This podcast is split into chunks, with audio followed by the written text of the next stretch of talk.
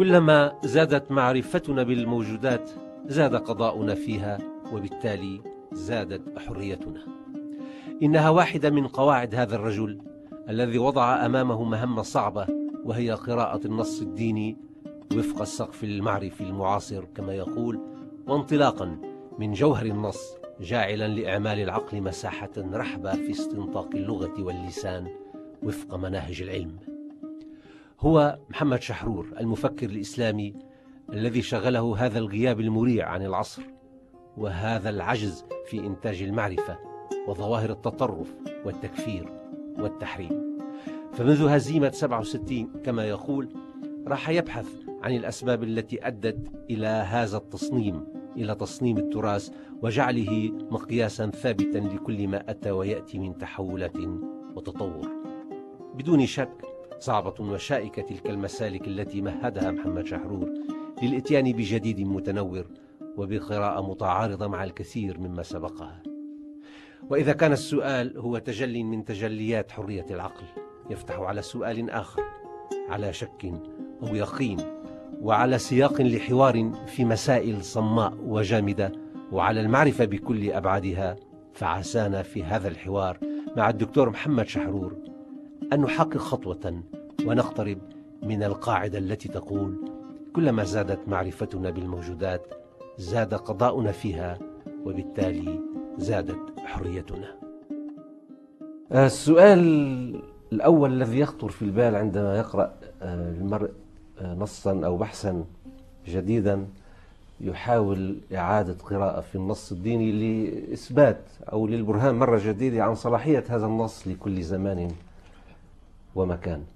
طالما هذا النص الإلهي هو صالح لكل زمان ومكان لماذا إعادة التأكيد عليه من قبل الباحثين دوما؟ يعني هل هناك نوع من الخوف من النسيان مثلا من تذكير الناس بذلك؟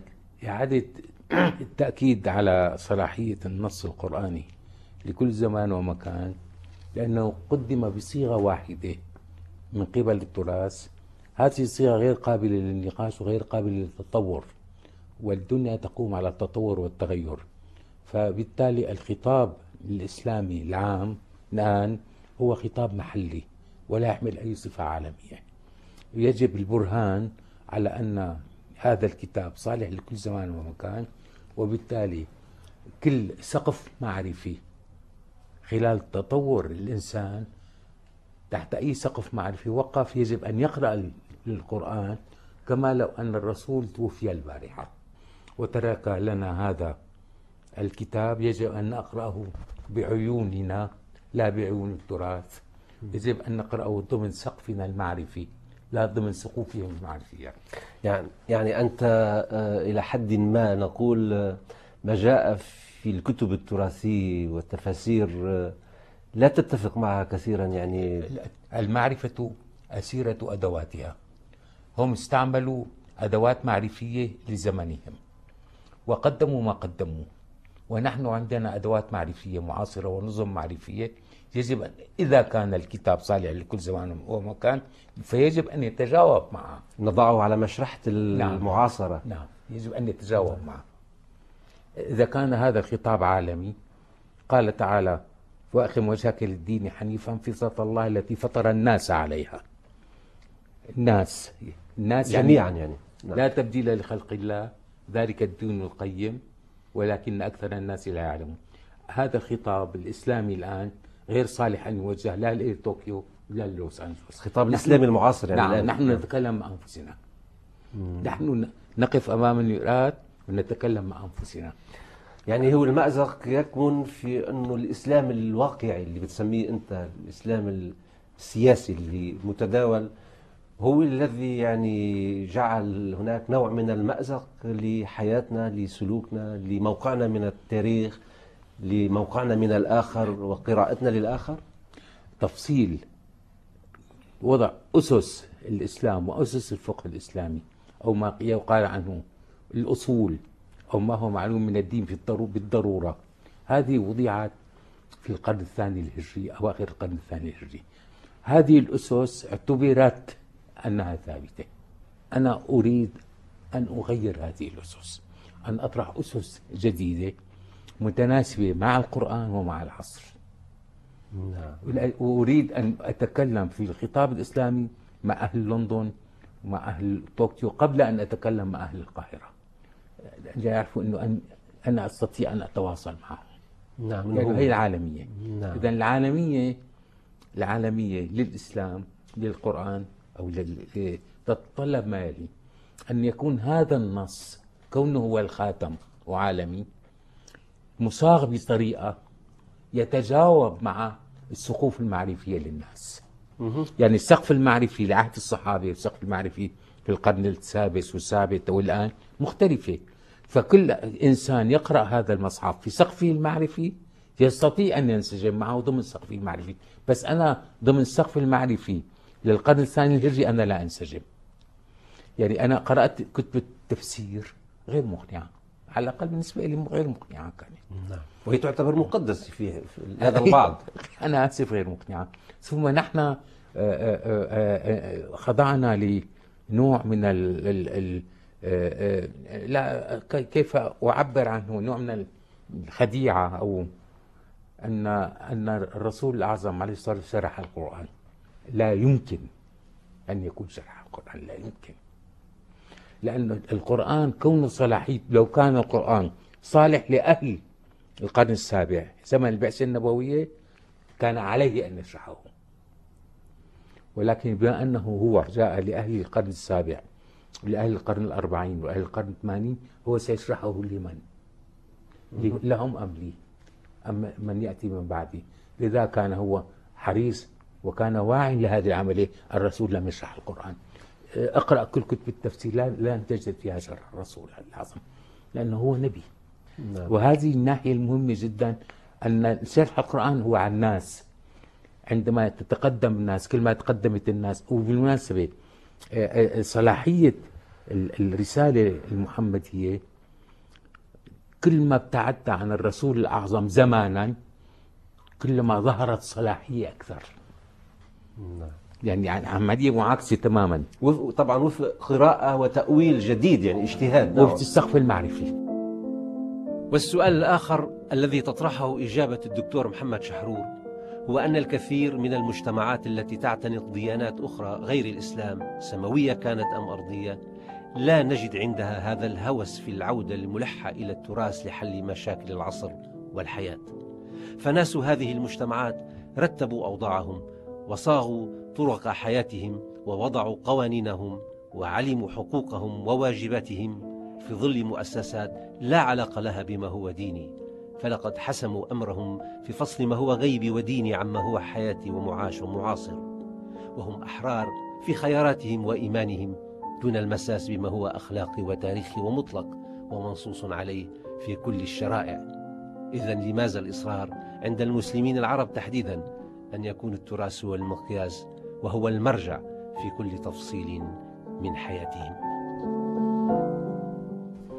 بالواقع آه، نحن أمة مأزومة ومهزومة. والأمة المأزومة والمهزومة تريد أن ترجع إلى تاريخها لتثبت ذاتها لتحافظ على هويتها. من هذه المنطلق تماما هو تمسكنا بالتراث. هو خوف على هوية لأننا إلى الآن لم نستطع أن نقدم أي شيء للعالم, للعالم. لم نقدم أي شيء للعالم. وفقط الخوف على الهوية جعل الناس يعني يعودون دائما إلى التراث نعم. وإلى المصدر لأنه الإنسان يرى نفسه في الماضي. عوض أن يرى المستقبل يرى نفسه في الماضي. وأنت تكتب في تكتب وتبحث في, في تحت هذا, هذا الهاجس يعني؟ نعم نعم تحت هذا الهاجس أن أن الماضي عنا أصبح مقدس. مم. نحن حولنا الماضي إلى صنم. نعم. الماضي صنم بالنسبة لنا صار. صار مقدس. يجب أن نبحث عن أي شيء في الماضي.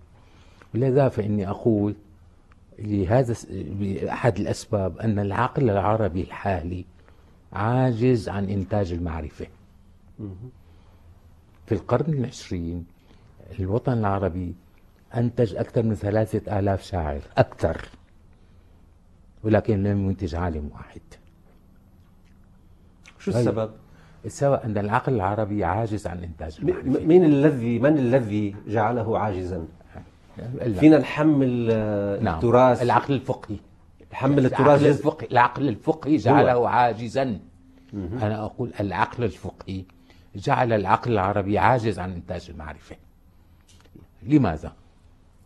ثلاث أمور. تفضل. الأمر الأول العقل الفقهي نعم. رسخ الترادف. ترادف بين باللغة. باللغة نعم. يعني ما عدنا نفرق بين الكتاب والقرآن. الكتاب أي القرآن القرآن أي الكتاب. جاء أي أتى أتى أي جاء. الوالد أي الأب الأب أي الوالد. في اختلاف بيناتنا. أنت تطرقت إليه في كتابك الترادف الأول غير موجود. ولكن العقل الفقهي أقر الترادف. لماذا أقل الترادف؟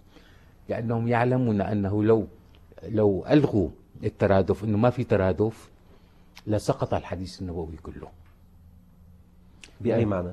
بأي- الحديث النبوي ورد على المعنى لا على اللفظ. مم. فكونه ورد على المعنى بنقول له أنتم ما بتؤمنوا بالترادف. أعطونا اللفظ. الرسول الأعظم لفظ المصحف لفظ. كما كما لفظه وصلنا. أما أعطونا الم... كما لفظه الرسول الأعظم هذا الكلام لا يوجد. كونه جاءت على المعنى وليس على اللفظ يجب أن تقر بالترادف. هي واحدة. العقل الترادفي عقل غير دقيق. غير علمي معناتها غير غير دقيق. دقيق. صحيح. هي واحدة. نعم نعم. ثانيا. العقل الترادفي الشعر لا يعيبه الترادف. بل يعني بحسن من شروطه الجمالية أحيانا. طبعا. يعني إذا عندك قصيدة بائية بتقول أب وعندك قصيدة داليه بتقول والد ال- ال- لا لا فرق. ال- الشعر لا يعيبه الكذب. ثانيا العقل العربي عقل قياسي. الفقه اللي سوانا هيك عقل قياسي. قياسي شو يعني؟ العقل القياسي يحتاج إلى إلى نسخة أصلية. يقيس عليها. بده مرجع. بده مرجع. بالضبط. ما بلا مرجع ما بيشتغل. وهذا أيضا- وهذا أيضا يعيق. نعم. وهذا النشاط العقلي الوحيد اللي أعطاه الفقه للإنسان. إنه بده حتى الشيوعيين العرب كان بدهم ستيريو وهن pr- هن prototype النسخة الأصلية وهن ستيريو حطوا الاتحاد السوفيتي النسخة الأصلية. نعم. يعني نفس العقلية. نعم. نفس العقلية. نعم. اياك تظن إنه بيفرقوا. نعم. ثالثا العقل العربي عقل اتصالي مو عقل علمي. اتصالي بأي معنى؟ يعني إذا طلع ال- الموبايل بيقول حرام حلال ولا حرام؟ أول شيء بيسأل. حلال ما بيسأل إنه هذا كيف يصنع الموبايل؟ ما هي مبادئ الموبايل؟ يعني ما عنده عدة السؤال عنده عدة التلقي. نعم. عندي وعدة انه مسموح ممنوع تعود إنه مسموح أم ممنوع. حرام وحلال. بالضبط. هاي هاي هاي ثلاث أمور جعلوا جعلوا العقل العربي عاجز عن إنتاج المعرفة. وهي الجامعات العربية أمامك كلها.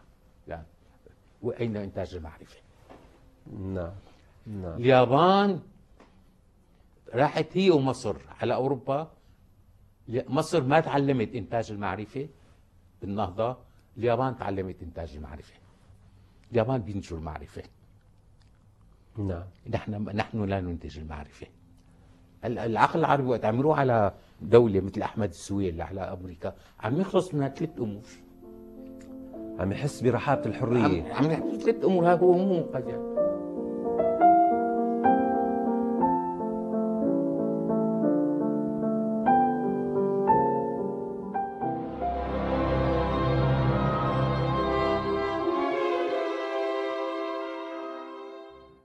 الكتاب والقرآن هو الإنجاز أو الكتاب الأساسي والأول الذي حققه دكتور محمد شحرور. ويعتبر حجر الزاوية في منظومة أعماله الأخرى والتي هي الإسلام والإيمان الدولة والمجتمع تجفيف منابع الإرهاب والقصص القرآني. بالطبع في هذا الكتاب يبين الدكتور محمد شحرور الفرق ما بين الكتاب والقرآن من خلال ما جاء في الآيات مفندا إياها دالا على المتشابهات منها والقابلة للمعرفة النسبية والتأويل. وعلى تلك التي تتحدث عن الوجود الكوني والإنساني وتفسير التاريخ وعن آيات العقيدة والتشريع والعبادات والمحرمات والأحوال الشخصية. وباختصار كما يقول دكتور شحرور هذا الكتاب هو قراءة معاصرة للذكر وليس تفسيرا أو كتابا في الفقه معتمدا على المنهج اللغوي لأبي علي الفارسي وعلى علوم اللسانيات الحديثة وعلى منهج مقاييس اللغة لابن فارس الذي ينفي وجود الترادف وعلى اعتبار أن التفسير والمذاهب الفقهية هي عملية تفاعل تاريخي مع الكتاب تعكس المرحلة التاريخية التي كتبت فيها فماذا أيضا في هذا الكتاب؟ قال تعالى الفاتحة في المصحف اسمها فاتحة الكتاب وليست فاتحة القرآن. أول سورة البقرة بسم الله الرحمن الرحيم ألف لام ميم ذلك الكتاب. لا ريب فيه. هدى للمتقين الذين يؤمنون بالغيب ويقيمون الصلاة. تمشي في سورة البقرة لآية 185 والكتاب ذكر عشرات المرات. كلمة كتاب نعم. لفظة الكتاب. نعم. إلا 185 بسورة البقرة شهر رمضان الذي أنزل فيه القرآن هدى للناس. القرآن ذكر القرآن لأول مرة. عندما قال الكتاب قال هدى للمتقين فقط. وعندما قال القرآن قال هدى للناس. القرآن هدى للناس والكتاب هدى للمتقين. المتقين الذين يقيمون الصلاة ومما رزقناهم ينفقون الغيبيات هي القرآن. القرآن. النبوة فيه قوانين الوجود. فرق بين الحق والباطل في الوجود. جميل. والرسائل فرق بين فرقت بين افعل ولا تفعل في السلوك. نعم نعم. الرسالة سلوك والقرآن وجود. نعم. فجماعتهم هم الكتاب. القرآن هو جزء من الكتاب. يعني إقامة الصلاة مو قرآن. آيات مو قرآن. القرآن ساحق مع هي آيات تشريعية يمكن آيات أو. حياتية. نعم نعم نعم نعم. ولا يوجد فيها إعجاز. القرآن جاء من فعل قرن ومن قرأ قرن يعني شيء مع شيء ثاني نعم. قرن القوانين في اللوح المحفوظ مع أرشيف التاريخ من الإمام المبين. حطهم مع بعض. يعني القصص قرآن. نعم نعم. إنا نحن نحيي الموتى ونكتب ما قدموا وآثارهم وكل شيء أحصيناه في إمام مبين. والمفسرون القدماء أتوا على هذا ال... قالوا جزء من المفسرين حتى بالآية 185 بتفسير فخر الرازي قال أنه هناك من العلماء قالوا أنا القرآن من قرنا آه. بس قرنا ماذا بماذا؟ ما قالوا؟ لا قالوا قرنا الآيات ببعضها هو قرن أمرين. أيضا يعني أعدت أعدت قراءة بعض المفاهيم الراسخة في أذهاننا جميعا فكرة القضاء والقدر. يعني نعم. كيف بنو أمية أتوا بكلام وقالوا أنه نحن سنحكم لأن ذلك أتى بالقضاء والقدر. ومشيت حتى الآن نعم. يعني. نعم. عندك مفهوم آخر للقضاء والقدر. القضاء هو حركة واعية بين نفي وإثبات في موجود. يعني إن القاضي يقضي بين خصمين. الخصمين موجودين ولا لا؟ المفترض يكونوا موجودين. طيب يعرف شو شو شو, شو المشكلة شو المشكلة بيناتهم صح. حتى يثبت وينفي. يثبت وينفي. يثبت لواحد ينفي عن واحد. القضاء هو نفي وإثبات. لكن نفي وإثبات ليس في فراغ في وجود. القدر هو الوجود. القدر هو الوجود. والقضاء هي الحركة الواعية نعم. بين نفي وإثبات في هذا الوجود. وبالتالي هناك علاقة بين القضاء والقدر هي المعرفة. كلما زادت معرفتنا بالموجودات زاد قضاؤنا فيها. وبالتالي زادت حريتنا. فالحرية هي القضاء والقدر مع بعض. نعم نعم. والحرية ال- ال- الذي لا يعرف شيئا لا يطلب شيئا. نعم. الذي لا يعرف شيئا لا يطلب شيئا. ف- ف- فب- فب- فازدياد المعرفة تزداد الحرية. وبالتالي ال- الحكومات الديكتاتورية دائما تريد أن لا يكون هناك معرفة. هو حجم المعرفة. حتى- لأن المعرفة المعرفة تؤديك تعطيك علاقة واعية بين نفي وإثبات. نعم مكلف تريد ولا تريد. بناء على ماذا؟ بناء على المعرفة. نعم. لسه القضاء بلا قدر هو أحلام يقظة يعني أنت بتقضي برأسك. والقدر بلا قضاء غنم. يعني غنم حاشي القدر وبس قطيع لا تقضي.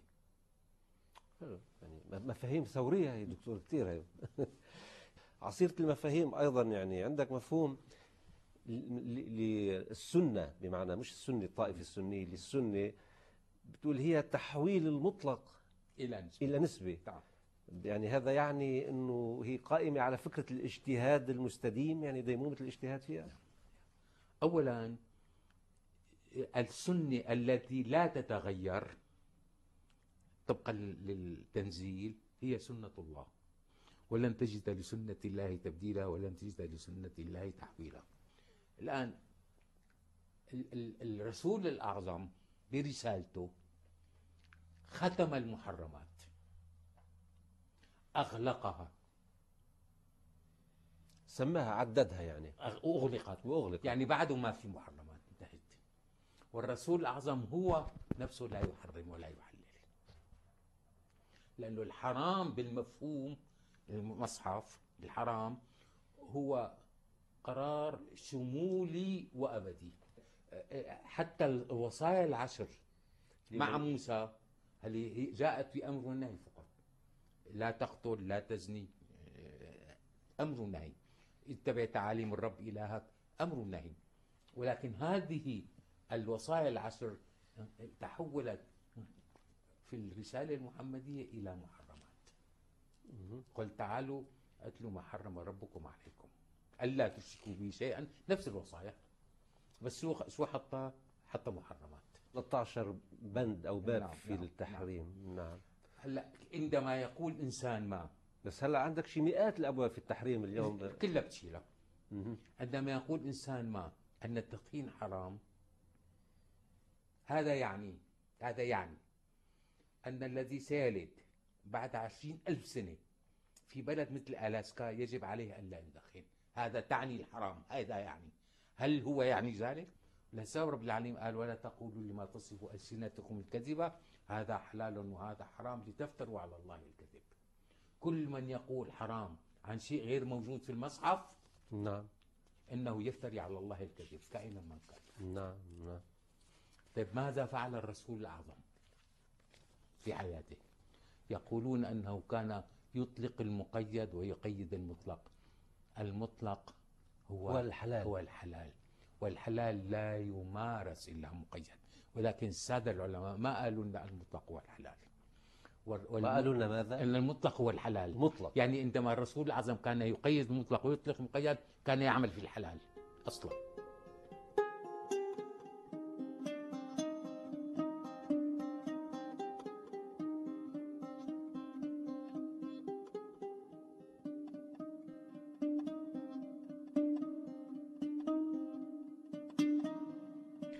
طيب دكتور هذه القراءات اللي عم تتفضل فيها للمفاهيم وللنص إلى ما هنالك يعني ما بتلاقيها قد تلغي الكثير من الأدوار والوظائف لدى بعض رجال الدين؟ يعني حتعمل نوع من البطالة عند الناس اللي بيشتغلوا في قضايا؟ يلاقوا شغلة ثانية يا أخي. نعم. يلاقوا شغلة ثانية وين المشكلة؟ نعم نعم. وفي سؤال بدي أسألك أنت أيضا تسأله على نفسك في مقدمة الكتاب ماذا نفعل بكل كتب التراث اللي كل سنة يعاد طبع آلاف النسخ منها يعني كتب التفاسير والتراث. أنت كأنك أتيت بممحات تقريبا ومحيت هذا التراث. طيب بدي أسألك سؤال. تفضل. إيه، علماؤنا يقولون يعني بين قوسين علماؤنا يقولوا إنه ابن رشد أثر على أوروبا. في الرشدية أثر على أوروبا. أثر على أوروبا. وهناك الرشدية اللاتينية. صح.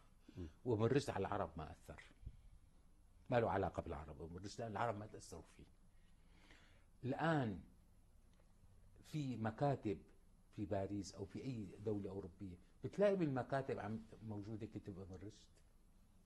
ما موجودة. يعني يعني بتلاقي بكتب بمكاتب الفلاسفة القدماء تبع من من 700 أو 800 سنة أو العلماء موجودة بالمكاتب. غير ما موجودة. عنا بس. لأنه نحن ما عم نتجاوزهم. يعني هن تجاوزوا بالرشد. هن اللي اثر فيهم تجاوزوا. بنوا عليه وتجاوزوا. تجاوزوا نحن تجاوزنا الغزالي ابدا. ما ما ما قدرنا نتجاوزه لليوم. وممنوع تتجاوزه ممنوع واجهت دكتور يعني نتيجة الطروحات والقراءات للفكر للنصوص الدينية وال...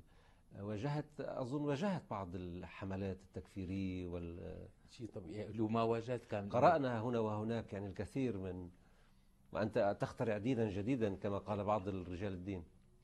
أخترع فقها جديدا. نعم. نعم. مضبوط يعني أصول الفقه اللي وضعت في القرن الثاني والثالث الهجري هذه أصول وضعت لتتناسب مع الوضع الاقتصادي والسياسي لذاك الوقت. نعم. هذه الأصول لم تعد صالحة. أقولها بصراحة لم تعد صالحة. نحتاج إلى أصول جديدة. نعم, نعم. والأصول الجديدة جاهزة وموجودة. نعم, نعم. تقول يعني في أقول أصول جديدة لأنها جاهزة. يعني لا أريد أقترح شيء بكون معناتها لازم عندك بديل لازم. اساوي طبعا لازم بديل يكون موجود. يعني البديل هو فيما نقرأه في كتاباتك هذا هو البديل. وفي المستقبل. وفي المستقبل.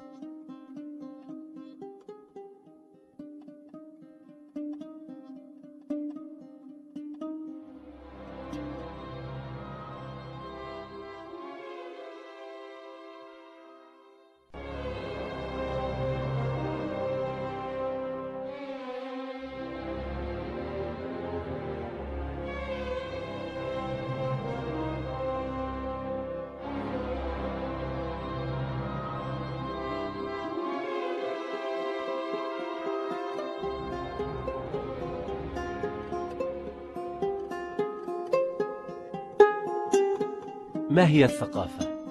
وما هي الأخلاق؟ وما هي الديمقراطية؟ وهل ثمة ثقافة تراثية وأخلاق تراثية لم تعد تجدي في عصرنا والمطلوب تحديثها؟ وكيف؟ هذه الأسئلة وسواها يطرحها دكتور محمد شحرور في كتاب آخر له هو الإسلام والإيمان حيث يقول إن الإسلام هو توحيد ومثل عليا إنسانية غير قابلة للتسييس. وإن محاولة البعض تسييس الإسلام ومحاولة البعض الآخر أسلمت السياسة أضاعت السياسة والإسلام معا. وقت الصحابة رضوان الله عليهم اختلفوا. اختلفوا على شيء ركن من أركان الإسلام ولا من أركان الإيمان ما اختلفوا. طيب صار قطع رؤوس بيناتهم. هي رؤوس سياسة. فهنا هنا عندما يدخل الدين في في السلطة أو السلطة في الدين بيضيعوا اثنين مع بعض. إدخال التكتيكات السياسة نفسها في الدين يفسد الدين أكثر ما يفسد السياسة. لأنه في حالة عندما أنت تمارس السياسة باسم الدين فتصير أي خطيئة تحسب على الدين وعليك المطلوب من السياسيين المحافظة على القيم الإسلامية شخصيا. ويحق لي أن أحاسبه على القيم. نعم. السياسي وإذا كذب بدي حاسبه. وإذا غش بدي حاسبه. بينما أن القرارات السياسية نفسها لا لا تؤخذ شرعية السلطة من الدين. إذا أخذت شرعية السلطة من الدين السلطة بدها تكون ديكتاتورية لا محل. السلطة بدها تكون لا محل. يعني لأنه لأنه لا تقبل الآخر. يعني هلا في الدولة الدينية في إيران تعتبرها لا تقبل لا تقبل الآخر. آه، تمارس الديكتاتورية نعم نعم لا تقبل الآخر. نعم. والأنظمة الأخرى التي تحكم بإيديولوجيا وضعية غير دينية مثلا ماذا نسميها؟ أليست ديكتاتورية أيضا؟ نعم. في السلطات تتناسب بين سلطة الضبط إلى سلطة القمع وما بينهما. كلما اقتربت السلطة من القمع. كلما اقتربت سلطة من القمع كل ما ابتعدت عن الدين. يعني إذا السلطة بدها تقترب من الدين معناتها لازم تمارس تبتعد عن ممارسة القمع. لازم تعطي للناس حريتها لازم تعطي للناس إنه تعبر عن نفسها. معناتها اقتربت من الدين هي اقتربت. ولكن لا يمكن للسلطة أن تحكم باسم الدين لا يمكن. لأنه بصير الشرعية من الدين تأخذها مو من الناس. نعم نعم. هي هي فرق كبير كثير انت تاخذ شريطك من الدين ولا من الناس؟ نعم, نعم.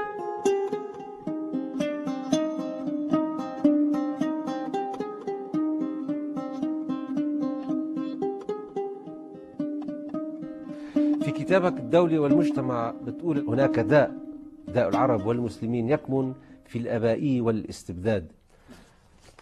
يعني في أنت عم تحكي عن عن الدولة والمجتمع. في يوجد يوجد في العالم العربي الآن والإسلامي والعالم العربي تحديدا يوجد دولة بالمفهوم الحديث ومجتمع بالمفهوم المبني على على أسس ديمقراطيه مفهوم مواطني. لا لا يوجد. ما زال نعم. ما زلنا بعيدين. يعني أنا برأيي أك أقرب دولة لل... لل... عم تعبر عن الوضع الاجتماعي تبعها هي المملكة العربية السعودية. والدولة تماما بتعبر عن هذا المجتمع. عن هذا المجتمع. لسبب دوله قويه مو ضعيفه لأنه هي تعبر عن المجتمع نفسه. نعم.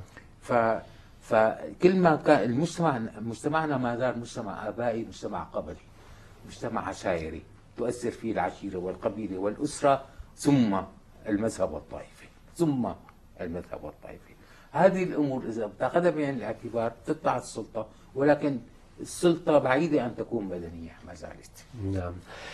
لا لأنها لا تريد. نعم. لانها لا تستطيع. نعم.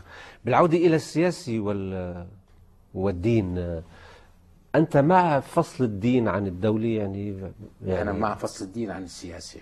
الدين لا يفصل عن الدولة والمجتمع في استحالة. فصل الدين عن السياسة. بأوروبا يعني أنا يعني, بأوروبا يعني أنا انتخبوا الحاج فلان. ليش عم تدي الحاج فلان؟ يعني شو يعني الحاج فلان يعني إذا حاج انتخبوه يعني؟ نعم.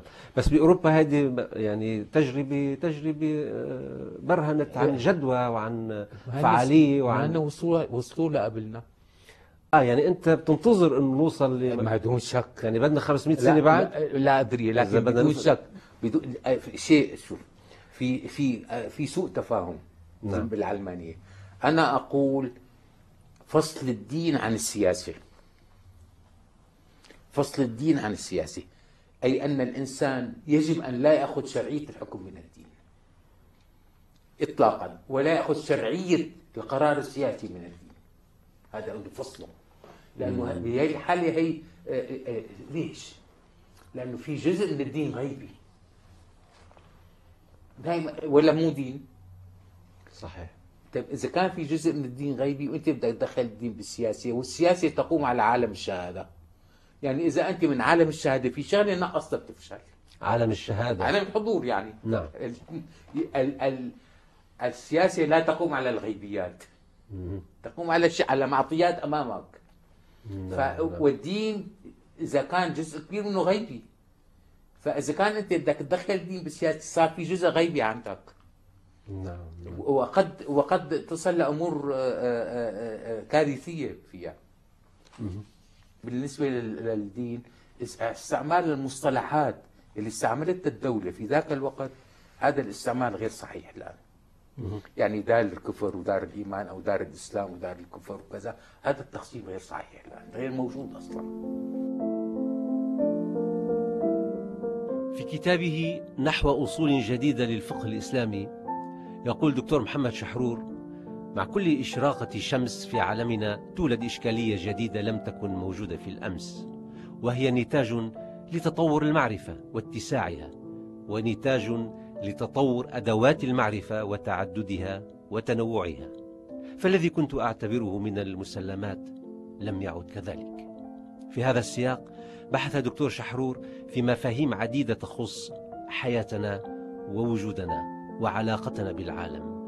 بحث في مفاهيم الكينونة والسيرورة والصيرورة مقترحا وصولا جديدة لفهم العالم وبحث في قضايا المرأة ليخلص إلى علم جديد للمواريث يختلف عن السائد. ويجد الدكتور شحرور أن للمرأة وضعان وضع في الكتاب المقدس ووضع في الفقه الإسلامي. يعني أولا آه، ناخذ أنه البعثة النبوية فتحت قصة شريط تحرير الرق والمرأة. ولا ولم تحرر. ولم؟ ولم تحرر. لا الرق ولا المرأة. بس قصة الشريط. مم. يعني بدأت. نعم. نحن ظننا أن ما حصل في ذاك الوقت انتهى. هذا كل شيء. هو هو البداية. نحن بنعرف مثلا إلغاء الرق بعد وفاة الرسول ب 1228 سنة. ألغوا الرق بالولايات المتحدة الأمريكية صار حرب أهلية فما بالك إلغاؤه في ذاك الوقت؟ لسبب ال ال ال ال ال ال الرسول الأعظم حط قاعدة ال- حرق المراحل لا يجوز. المرأة لأنه للمرأة وضعان وضع في الفقه في الكتاب المقدس ووضع في الفقه. كان وضع. الفقه الإسلامي فقه ذكوري. كله ذكور. وأعطى وأعطى وأعطى الذكر كل شيء. والنص الديني أيضا هو نص بالمصطلح مصطلح ذكوري أيضا. مصطلحات ذكوري. نعم. لا. أولا في المصحف عندما يقول النساء لا تعني لا تعني دائما الإناث. شو تعني؟ تعني قد تعني مجموعة من الذكور والإناث. وعندما يقول رجال لا يعني الذكور فقط. قد يكون هناك نساء. راح أجيب لك الآيات كلها. نساء إما جمع نسيء أو جمع امرأة. نسيء. تأخير. تأخير. نعم. أو جمع امرأة.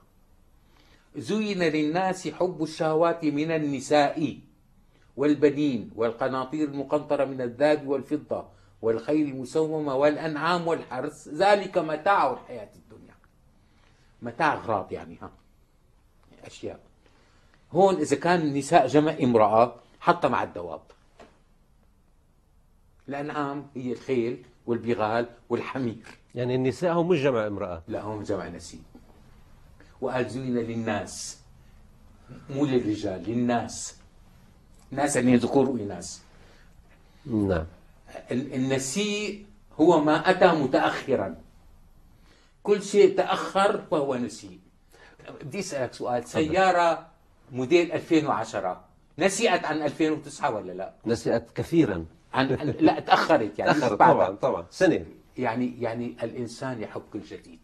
و- وقال زين للناس. كمان. وحط الشهوات. ف... فإنه ال- الناس ذكور واناث تشتهي ترغب بكل شيء جديد. نعم. اثنين نعم. نساؤكم حرث لكم. فأتوا حرثكم أن شئتم. الحرث لا تعني الجنس اطلاقا. من كان يريد حرث الدنيا ومن كان يريد حرث ماذا. تعني؟ الحرث هو المكاسب. وبالزراعة الغلة الزراعية مو الزراعة الغلة. فالحرث هو بح... الناس بتحب الحرث بتحب بتحب المكاسب. وقت قال نساؤكم حرث لكم. عم يحكي للذكور والإناث إنه كل ما استجد من الأشياء هو مكسب لكم.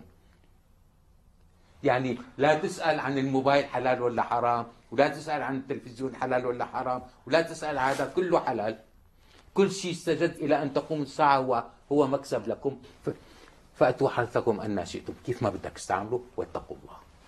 بس. قال له استعمل اتقي الله بستعمله من المؤمنين رجال صدقوا ما عاهدوا الله عليه.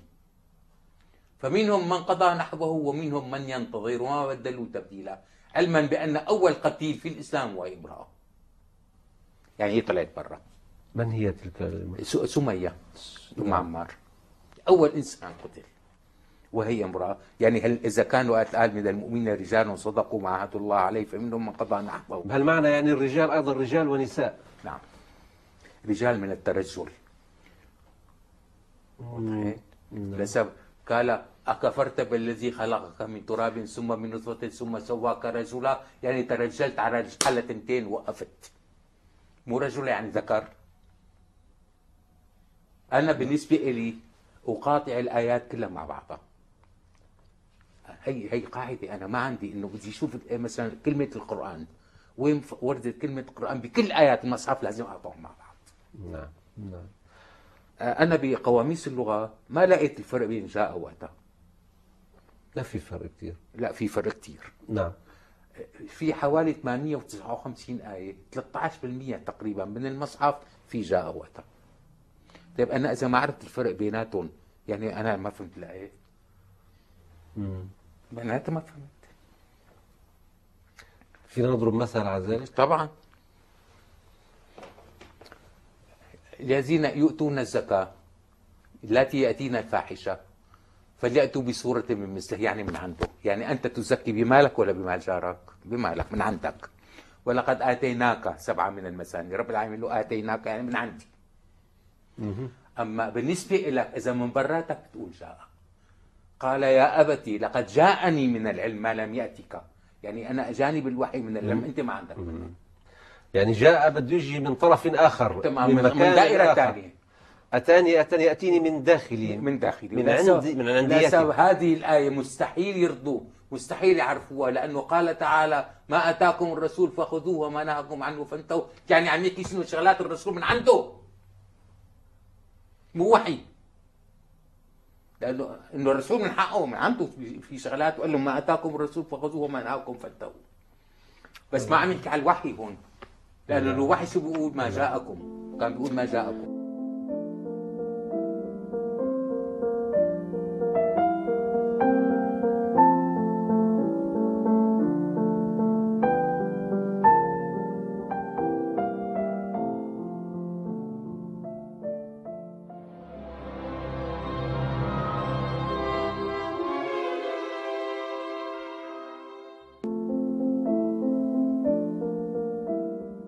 لنبقى في قضية ال- النساء والمرأة يعني طبعا مسألة الحجاب اللي أثارت لغط كبير في أوروبا في أوروبا خاصة يعني أنه ظاهرة يبدو تعممت أكثر بال- بالآخر 20 سنة ما كانت واردة كثيرا. أنا أريد أن أسأل الناس الرسول الأعظم عليه الصلاة والسلام بعث في مكة وعاش في شبه جزيرة العرب. الآن في شبه جزيرة العرب الآن نحن في القرن الواحد والعشرين الرجال تضع غطاء رأس. وليس النساء قال تعالى للرسول الأعظم خذ العفو وأمر بالعرف وأعرض عن الشاهدين. ماذا كانت تلبس النساء قبل بعثة رسول الله؟ هل كانوا عورات هل كانوا عورات كانوا عم يلبسوا طبقا للأمور التالية. طقس الجو طبقا لمستوى النظافة وطبقا للمستوى الإنتاجي للألبسة. يعني شو بيقدروا ينتجوا؟ شو عندهم ألبسة؟ بيلبس اللي بيلبسوا؟ كانت المرأة العربية المرأة والرجل تضع غطاء رأس من الحر. فهو كان لباس عرفي الرسول عم يأمر بالعرف.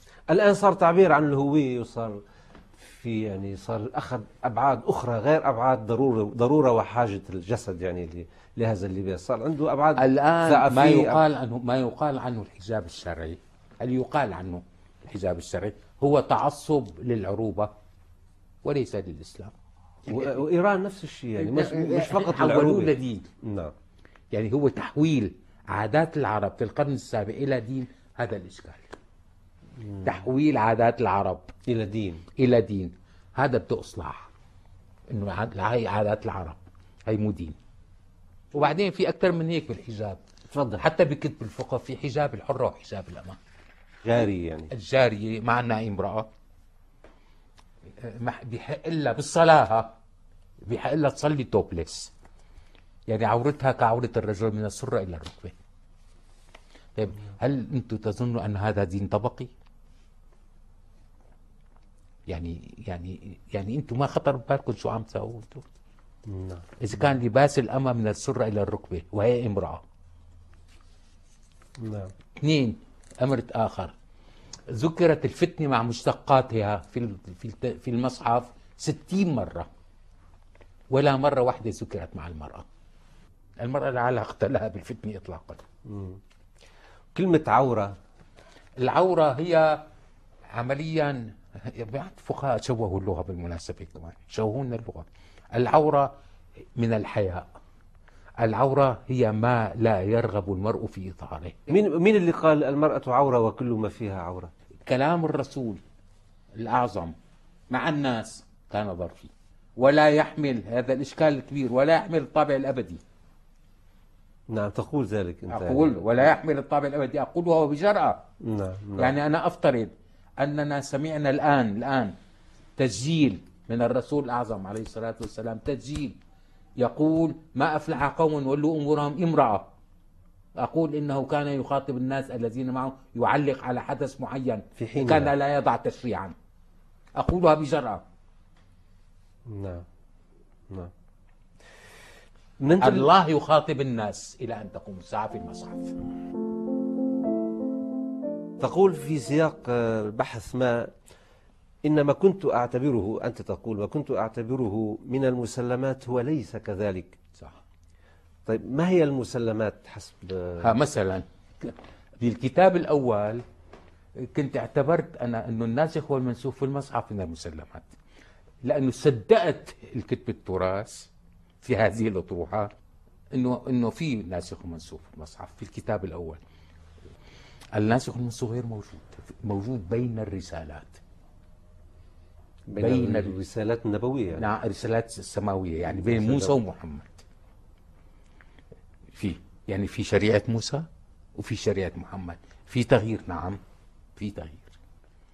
أما أما بنفس الشريعة الواحدة اطلاقا غير موجود اطلاقا. نعم. شو هي الأمور اللي خدعت شو هي المسلمات اللي بتؤمن فيها أنت حضرتك؟ اولا بؤمن فيها أن القرآن فرق بين الحق والباطل في الوجود. الرسالة فرقت بين افعل ولا تفعل في السلوك. القصص القرآني لا يؤخذ منه أحكام ولا يؤخذ منه عبار. وجزء من القصص القرآني هو القصص المحمدي. يعني سورة التوبة لا علاقة لها بالرسالة ولا يؤخذ منها أحكام هي قصص محمدي مثل قصة موسى وقصة يوسف هي ليست رسالة نعم هذه نعم. أمر لا عم ياخذوا منها أحكام لا يؤخذ منها أحكام نعم. كل شيء قصص أحداث صارت مع الرسول الأعظم وسجلت في المصحف هذه من القصص وليست من الرسالة. وسبب الرسول خاض حروب بتأسيس دولة بس هذه ليست من الرسالة. إذا هي من القصص الذي تؤخذ من العبر فقط. نعم. يعني كل آيات سورة التوبة هي عبر وليست أحكام. إذا بتأخذ منها أحكام تعب مأزق الآن هو هذا. مأزق مأزق الناس الآن والحركات الجهادية والأصول وكذا أنه عم ياخذوا من سورة التوبة أحكام. هي لا يؤخذ منها أحكام. هي من القصص المحمدي زي قصة يوسف زي قصة موسى. أسئلة جادة وعميقة وواضحة يطرحها دكتور محمد شحرور على ما هو موروث. يسأل عن علاقتنا بالحياة والموت وكيفية استقبالنا لهما ويسأل عن علاقتنا بالآخر. وعن حريتنا في الاختيار. وطغيان مفاهيم استبدادية رسخت ما هو منافي للعقل البشري والحرية. ففي كتابه تشفيف منابع الإرهاب يذهب محمد شحرور إلى موضع العلة ليبين أسبابه ومصادره في هذا الموروث. أنا قرأت كتاب الجهاد لعبد الله عزام.